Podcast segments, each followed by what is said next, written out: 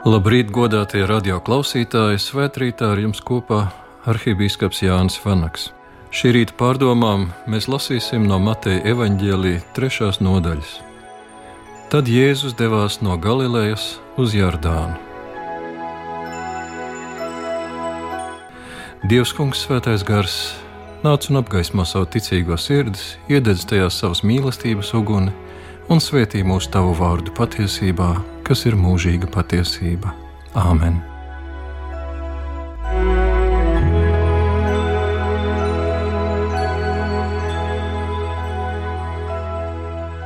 Viens teikums, pusteikums, vai kādreiz esam pie tā pakavējušies. Droši vien biežāk esam ar acīm pārskrējuši pāri, steidzoties pie īstajiem notikumiem. Taču aiz šī īsā teikuma ir vesela pasaule, pat vairāk nekā pasaule. Ja šos dažus vārdus lasām uzmanīgi un ar dzīves pieredzes acīm, tie kļūst par logu, pa kuru ieraudzīt Kristus diženumu un debesu tēva sirdi. Jēzus devās no Galilejas uz Jordānu. Mēs esam lasījuši, kas tur notika. Jānis Kristīja Jēzu Jordānas upē, debesis atvērās, svētais gars nolaidās pār Jēzu, un balss no debesīm teica: Šis ir mans mīļotais dēls, uz ko man labs prāts. Pēc tam gars aizveda Jēzu tuksnesī, lai viņš tiktu vēlna kārdināts. Un tie mums šķiet īstie notikumi, pie kuriem lasot steidzamies. Bet kas notika Galilejā? Kas notika Nāceretē? Par to rakstīts nav gandrīz nekas. Taču mēs no pieredzes zinām, kā cilvēka bērns pieaug no mazuļa par puiku, no puikas par pusaudzi un no pusauģa par jaunieti. Jēzus bija patiesa cilvēks. Pazīstot cilvēka dzīvi, mēs varam sveitītā iztēlē apcerēt arī Jēzus apslēptos gadus, kuri nav aprakstīti. Jēzus ir arī patiesa Dievs. Kontemplējot viņa dzīves cilvēcīgos notikumus, varam meklēt dievišķo jēgu, kas tajos atklāta. Kopš pašas dzimšanas Jēzus pildīja kādu misiju, Un varētu domāt, kāda tur vēl misija, zīdainis taču pats neko nespēja. Taču tieši mazuļa nespējā Jēzus veica uzdevumu, kas mums ir tik svarīgs. Vēstulē ebrejiem ir vārdi, kas sniedz lielu mierinājumu. Mums augstais priesteris nav tāds, kas nevar just līdzi mūsu nespēkam. Viņš tāpat kā mēs ir visādi kārdināts. Mans brālis, kā zemesardzes bataljona komandieris, reiz bija iesaukts mācībās, kur viņam līdz ar citiem komandieriem lika rakt ierakumus. Viesnieki sāka iebilst, kādēļ viņiem liek rakt, ja viņi labi zina, kādam jābūt ierakumam. Instruktors, kurš bija no ārzemju latviešiem, atbildēja, nu mazliet mīkstinot viņu vārdus, tādēļ, lai jūs sarkanie komunistu kuces bērni zinātu, cik tas laika prasa, Un tiešām ir atšķirība starp zināt, kāds ir pareizs ierakums, un pašam to izrakt, pakļaujoties ārzemniekam, kurš tevi, brīvās Latvijas virsnieku, sauc par komunistu un tavu māti par kuci. Dievs zināja, pēc kādiem principiem mēs darbojamies, jo pats bija mūs radījis, bet viņš nolēma arī piedzīvot, kā tas ir uzaugt kā zēnam vienkāršā namā, okupētā zemē kur svežzemnieki raugās uz tevi kā suni, bet savējo elite viebjas, vai no nācaretes var nākt kas labs? Dievs vēlējās tevi iepazīt tik dziļi, ka nāca rakt ierakumu kopā ar tevi. Tas, kurš nosprauda ceļu planētām, zvaigznēm un galaktikām, nu mācījās staigāt turoties pie mēbelēm un vecāku rokām. Tas, kurš radīja atomus un organismus, kazuārus un kvazārus, nu mācījās ēst ar karoti un izgatavot ķeblīti. Mūžīgais logos sevi apslēpa tik dziļi cilvēka veidolā, ka viss viņam bija jāmācās no jauna kā bērnam. Berešīt barā Elohim et hašamaim ve et haēres. Tas nozīmē, iesākumā Dievs radīja debesis un zemi. Tas, kurš to paveica, tagad mācījās to izrunāt, ar neveiklu bērna muti. Jaunais Jēzus mācījās cilvēcību. Viņš atklāja un iegaumēja, kā cilvēks jūtas vienā vai citā situācijā, kas ievaino un kas dziedina. Savas tautas vidū viņš mācījās pildīt likumus, kurus pats tai caur mūzu bija devis. No aizmūžiem viņš bija viens ar tēvu un garu, bet tagad lūgt Dievu viņam varēja būt drusku tā kā sarunāties ar sevi caur spilvenu vai aizvērtu logu. Jaunais Jēzus rādīja cilvēcību. Visu zināšanu avots pat apslēpts nav mēms. Jēzus ir arī patiesa Dievs, tāpat kā mēs visādi kārdināts, bet bez grēka, tā par viņu teikts rakstos. Un raugoties uz Jēzu, apkārtējie varēja vērot un mācīties, kā kārdinājuma brīžos izturas patiesa grēka nenomākta cilvēcība. Zēnu rotaļās viņš piedalījās aizrautīgi, taču nespēlēja netīri, lai uzvarētu par katru cenu. Kā visiem jaunekļiem, viņam patika meitenes un viņu uzmanība, kuru viņš necentās sautīgi izmantot. Jādomā, ka viņš jau apzinājās savu likteni, neplānoja ģimeni un arī nevienai meitenei nedēva cerības. Viņa dabā nebija atbildēt ar dusmām uz dusmām un ar ļaunu uz ļaunu. Ja kāds uz Jēzu apskaitās un teica, tu esi muļķis, varu iedomāties Jēzu pasmaidām un sakām, jā, reizēm es esmu rīkojies diezgan muļķīgi. Droši, ka viņš bija viens no laipnajiem, atklātajiem jaunajiem vīriešiem, kuru klātbūtnē jūties reizē labi un neveikli un nokaunies par netīru joku. Tāds, kuram līdzās gribas būt tam, kas tu vari būt. Un te varētu jautāt, kāda jēga no tādas iztēles, ja mēs nezinām, vai bija tieši tā vai citādi. Bet, lasot rakstus, mēs notikumu neizbēgami iztēlojamies, un tas, ko iztēlojamies, mēdz būt tālu no realitātes. Atceros, pirms gadiem 30 es sprediķī runāju par Jēzu, kurš nesa krustu uz Golgātu, cēli kā varonis, bez neviena vaida vai asaras. Ko gan es toreiz biju iedomājies?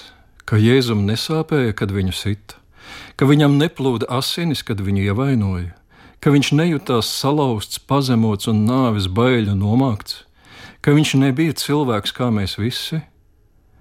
Aizstājot īstu cilvēku ar teiksmu varoni, mēs zaudējam īstenības izjūtu un neaptveram Jēzus personības dziļumu un raksturu lielumu. Mēs nenovērtējam, ko viņam maksāja būt tam, kas viņš ir. Bet izjūtot mūsu kungu kā patiesu cilvēku, mēs ieraudzīsim, ko sevī nes pat īstais pusteikums: Jēzus devās no Galilejas uz Jordānu. Galileja bija viņa bērnības un jaunības zeme, Nācaret bija viņa mājas. Trīsdesmit gadus Jēzus tur bija mācījies būt cilvēks. Iziet uz Jardānu viņam nebija kā jaunietim pēc vidusskolas doties uz galvaspilsētu, baudīt studenta dzīvi un brīvdienās braukt mājās pie vecākiem. Jēzum tas nozīmēja aiziet, lai 40 dienas gavētu un stātos pretī vēlnam tuksnesī, aiziet, lai mirtu pie krusta apkrautam ar pasaules grēkiem. Izejot pa vārtiem, Jēzus zināja, ka dodas uz nāvi, lai neatgrieztos mūsu labad. Rūpīga un gara vadīta iztēle palīdz emocionāli tuvoties Jēzus pieredzēji, viņām stāvot uz izšķiršanās robežas starp mierīgo dzīvi ģimenē un šaušalīgo cīņu ar velnu, grēku un nāvi. Jēzus taču varēja palikt. Ar šo domu viņam bija jātiek galā. Viņam bija neskaitāmi iemesli palikt.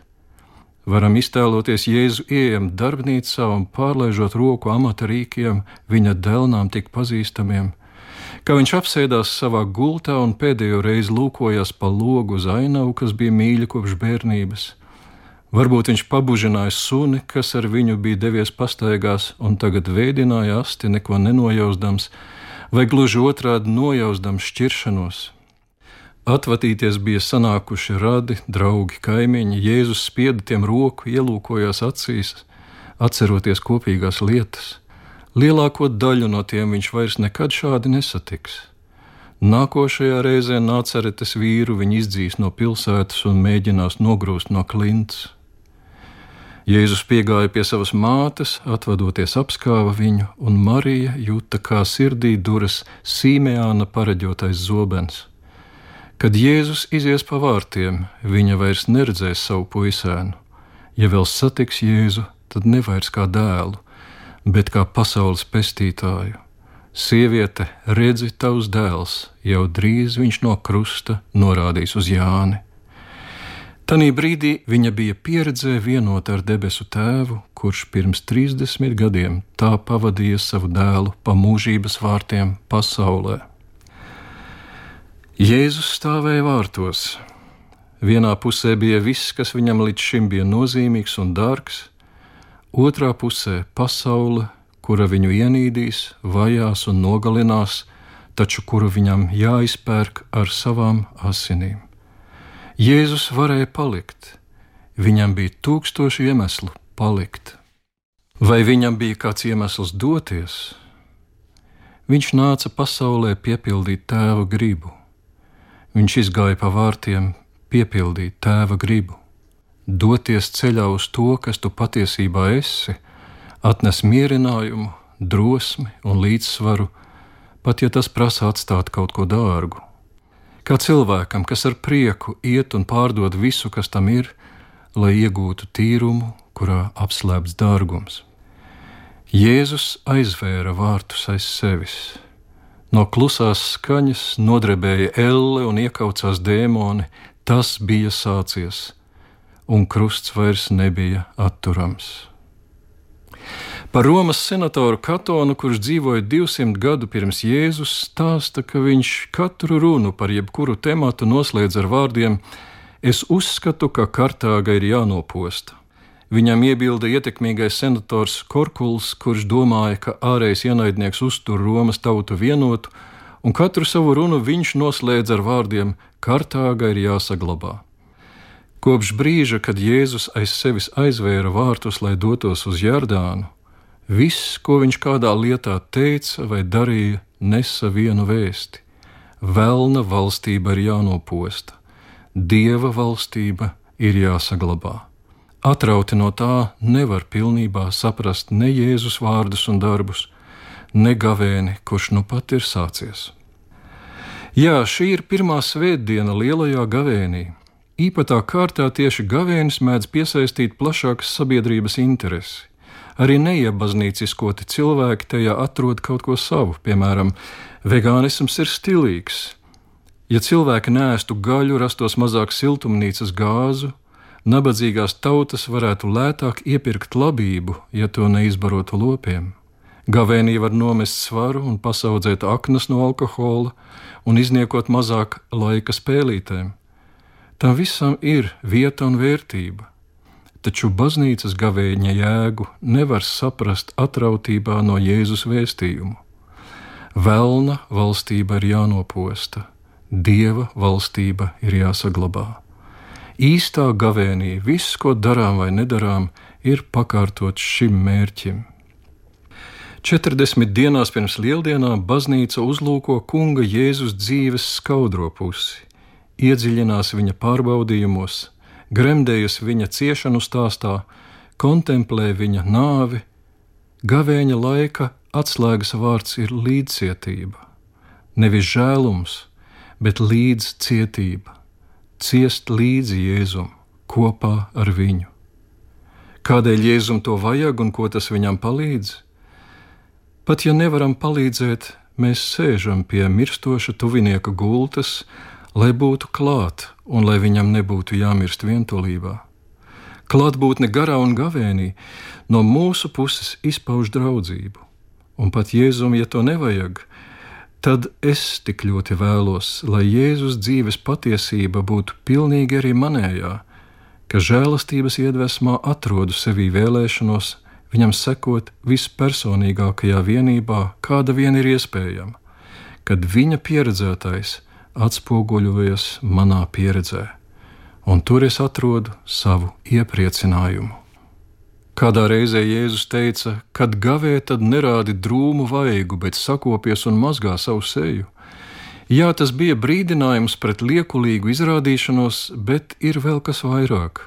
Spēja gavēnī uzņemties ierobežojumus un atrast tajos iepriecinājumu, ļauj ne tikai paciest izsalkumu, bet panest savu eksistenci. Varbūt to ir grūti iztēloties, taču pati mūsu esamība ir cēlusies no ierobežojumiem. Iedomājieties sarunu, ka kāds saka, uzspēlēsim spēli, un tu atbildi, labi, spēlēsim. Tad viņš saka, tu sāc. Labi, bet ko sākt? Kas man jādara? Kamēr es varu darīt jebko, nekas neiznāk. Lai rastos spēle, ir vajadzīgi noteikumi. Iespēju klāsts jāierobežo, un tā tas ir ar visu esamību. Neierobežots ir tikai Dievs, un Viņš ir viens vienīgs cilvēks rodas dievišķo ierobežojot laikā, telpā, vielā un iespējās. Arī pieaugšana saistās ar ierobežojumiem un ar upuri. Nulle piedzimis bērns ir tikai bezgalīgs potenciāls. Viņš var būt jebkas, taču vēl nav nekas. Lai par kaut ko taptu, viņam no sava potenciāla nākas upurēt lielāko daļu.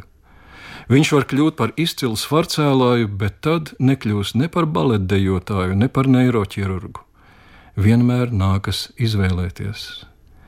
Jā, gadās, ka bērns pieaug un negrib atlaist bērnību. Tas ir stāsts par Pīteru Penu, par zēnu, kurš negrib pieaugt, un rezultātā kļūst par pazudušo puiku vadoni nekur zemē. Varbūt šajā pasaku tēlā ir kaut kas romantisks, Pīteram nav nākotnes ar Vendiju, kura ir mieru pieaugt un vēlas īstu ģimeni, tomēr viņam vismaz ir feja skārdulīte. Taču fejas dzīvo nekur zemē. Reālajā dzīvē nekā romantiska nav. Ir infantīls, teiksim, gadus 40 vecs bērns, kurām fejas vietā par draugu ir pornogrāfija internetā. Labāk ir pašam izvēlēties savu pieaugšanas upuri, iekāms to uzspiež laiks jo izbēgt nav iespējams. Stāstā par Pīteru Penu kapteini ķeksi vajāja krokodils ar pulksteni vēderā un jau bija dabūjis vienu gabalu, viņa roku. Katram no mums dzenas pakaļ laika krokodils un nokož pa gabalam mācīties spējas, veselības, miesīgā spēka un skaistuma. Labāk ir viņu apsteigt un ierobežot sevi mērķtiecīgi, upurēt to, kas esi šodien, lai paspētu kļūt par kaut ko īstu, kas vari būt. Varbūt tas izklausās skumji. Bieži dzirdam vēlējumu nepazaudēt sevī bērnu, taču Karls Jungs teica, ka pareizi pieaugot, cilvēks dzīves otrajā pusē no jauna atklāja sevi bērnu, kuru māceklības laikā pameta.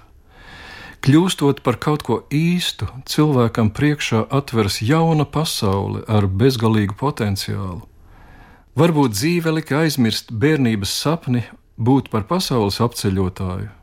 Tā vietā tu kļuvi par dārznieci vai par automehāniķi, taču labam amatniekam apkārt veidojas vesela pasaule. Labs santehniķis vai skolotājs var kļūt par savas kopienas balstu un dvēseli, ja pats mīl cilvēkus un ir dvēselē bagāts. Tā cilvēks var reizē upurēt savu potenciālu un to paturēt. Pareizi pieaugot, Cilvēks no jauna sevi atklāja bērnu, kuru atstāja māceklības laikā.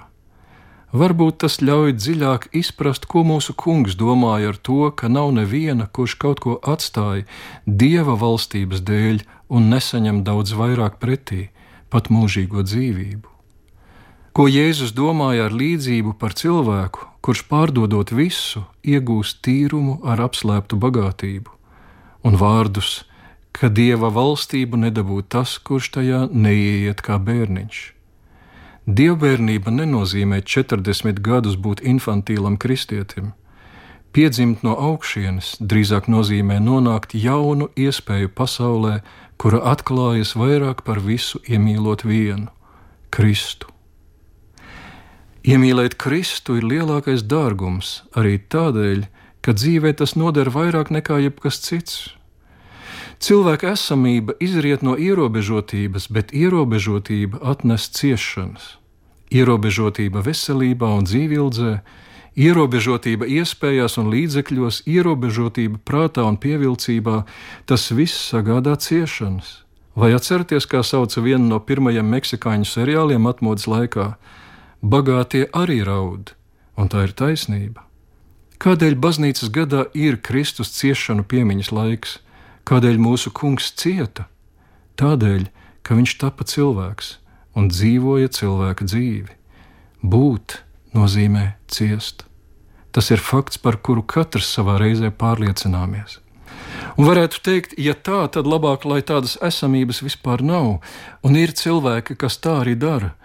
Viņi cenšas iespītēt tādai esībai, kļūst aizvainoti un ciniski, posta sevi un apkārtni un galējā izpausmē sarīko apšaudi kādā skolā un pēc tam nošaujas. Cits ceļš, dzīvības ceļš, ir atrast iespēju, kā pieņemt faktu, ka esamība nozīmē arī ciešanas un tās pārspēt. Mīlestība uz Kristu ir tāda iespēja. Ja kādu mīlam, tad gribam būt tuvu un visā ar viņu dalīties. Bet Dītris Bonhēfers teica, tu nevari būt tuvu Jēzum, ja atsakies iet turp, kur viņš ir, arī pie krusta. Iemīlot Kristu, es spēju pieņemt, ka viņa pieredzētais atspūgļojas arī manā pieredzē. Varbūt žēlastības iedvesmā pat sāku ilgoties, lai viņa dzīve būtu manējā piedzīvojot eksistences ierobežojumu skaudrumu un pat saskaroties ar apzinātu ļaunprātību, es zinu, ka piedalos Kristus dzīvē un eju ceļu, ko gāja Viņš. Tur es atrodu savu iepriecinājumu. Tādēļ gavējot nerādi sadrūmušu vaigu. Gavēnī mēs sākam ar to, ka panesam nelielu izsalkumu, lai kaut nedaudz dalītos dzīvē ar izsalkušo Kristu. Varbūt pamazām spēsim līdzīgi uztvert arī nabadzību, atraidījumu, pazemojumus, sitienus vai ko no esamība nesīs. Ja ar svētās trīsvienības otro personu tā apgājās manis dēļ, tad es mīlestībā gribu atdarīt ar to pašu. Tur es atrodu savu iepriecinājumu. Mēdz gan teikt, ka sirdī nevar pavēlēt, Traģikomisks likās lugas nosaukums Es jūs piespiedīšu mīlēt Raini. Kā lai sevi piespiež mīlēt Kristu, var likties, ka tas nav pat mūsu varā. Taču mēs varam viņu vērot, meditēt viņu. Pirmkārt, tas nozīmē uzmanīgi un ar lūkšanu lasīt un apdomāt viņa vārdus un darbus. Viņa dzīves notikumus varam mēģināt lasīt un izdzīvot tā, it kā paši būtu turklāt Kristus vērošana liks uzaugt mīlestības asniem. Atņemot laiku citām nodarbēm, lai kontemplētu Kristus dzīvi, mēs pārdodam neauglīgos tīrumus, lai iegūtu vienīgo, kurā ir apslēpta dzīvības pilnība. Lielajā gavēnī nostāsimies blakus Jēzum vārtos starp Galileju un Jordānu. Kas man vēl jāatstāja, lai es varētu ieiet dievbijības iespēju pasaulē? kas mani traucē iemīlēt viņu un dalīties ar viņu dzīvē, kas mani biedē sekot viņa aicinājumam. Nevienmēr tas būs kas slikts vai netīrs, arī pieņemamas un labas lietas var nostāties starp mani un Kristu, starp mani šodien un mani, kas es varu būt. Priekšā ir sešas gavēņa nedēļas, lai kopā ar viņu mēģinātu to skaidrāk ieraudzīt un aizvērtu aiz sevis vārtus. Lai svētais gars palīdz, ka to klusais klaudziens atbalsojas mūsos, tas ir sācies. Velna valstība manī jānoposta, dieva valstība jāceļ. Es eju ar Kristu būt par to, kas patiesībā esmu, es vairs negriezīšos atpakaļ.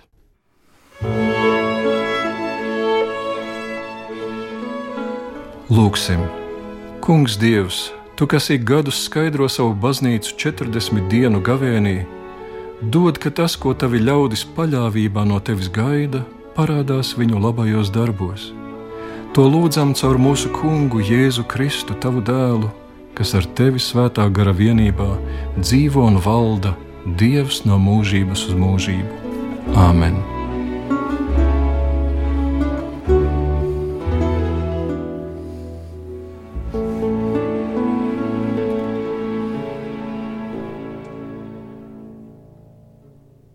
Svētrītā ar jums bija arhibīskaps Jānis Vanaks.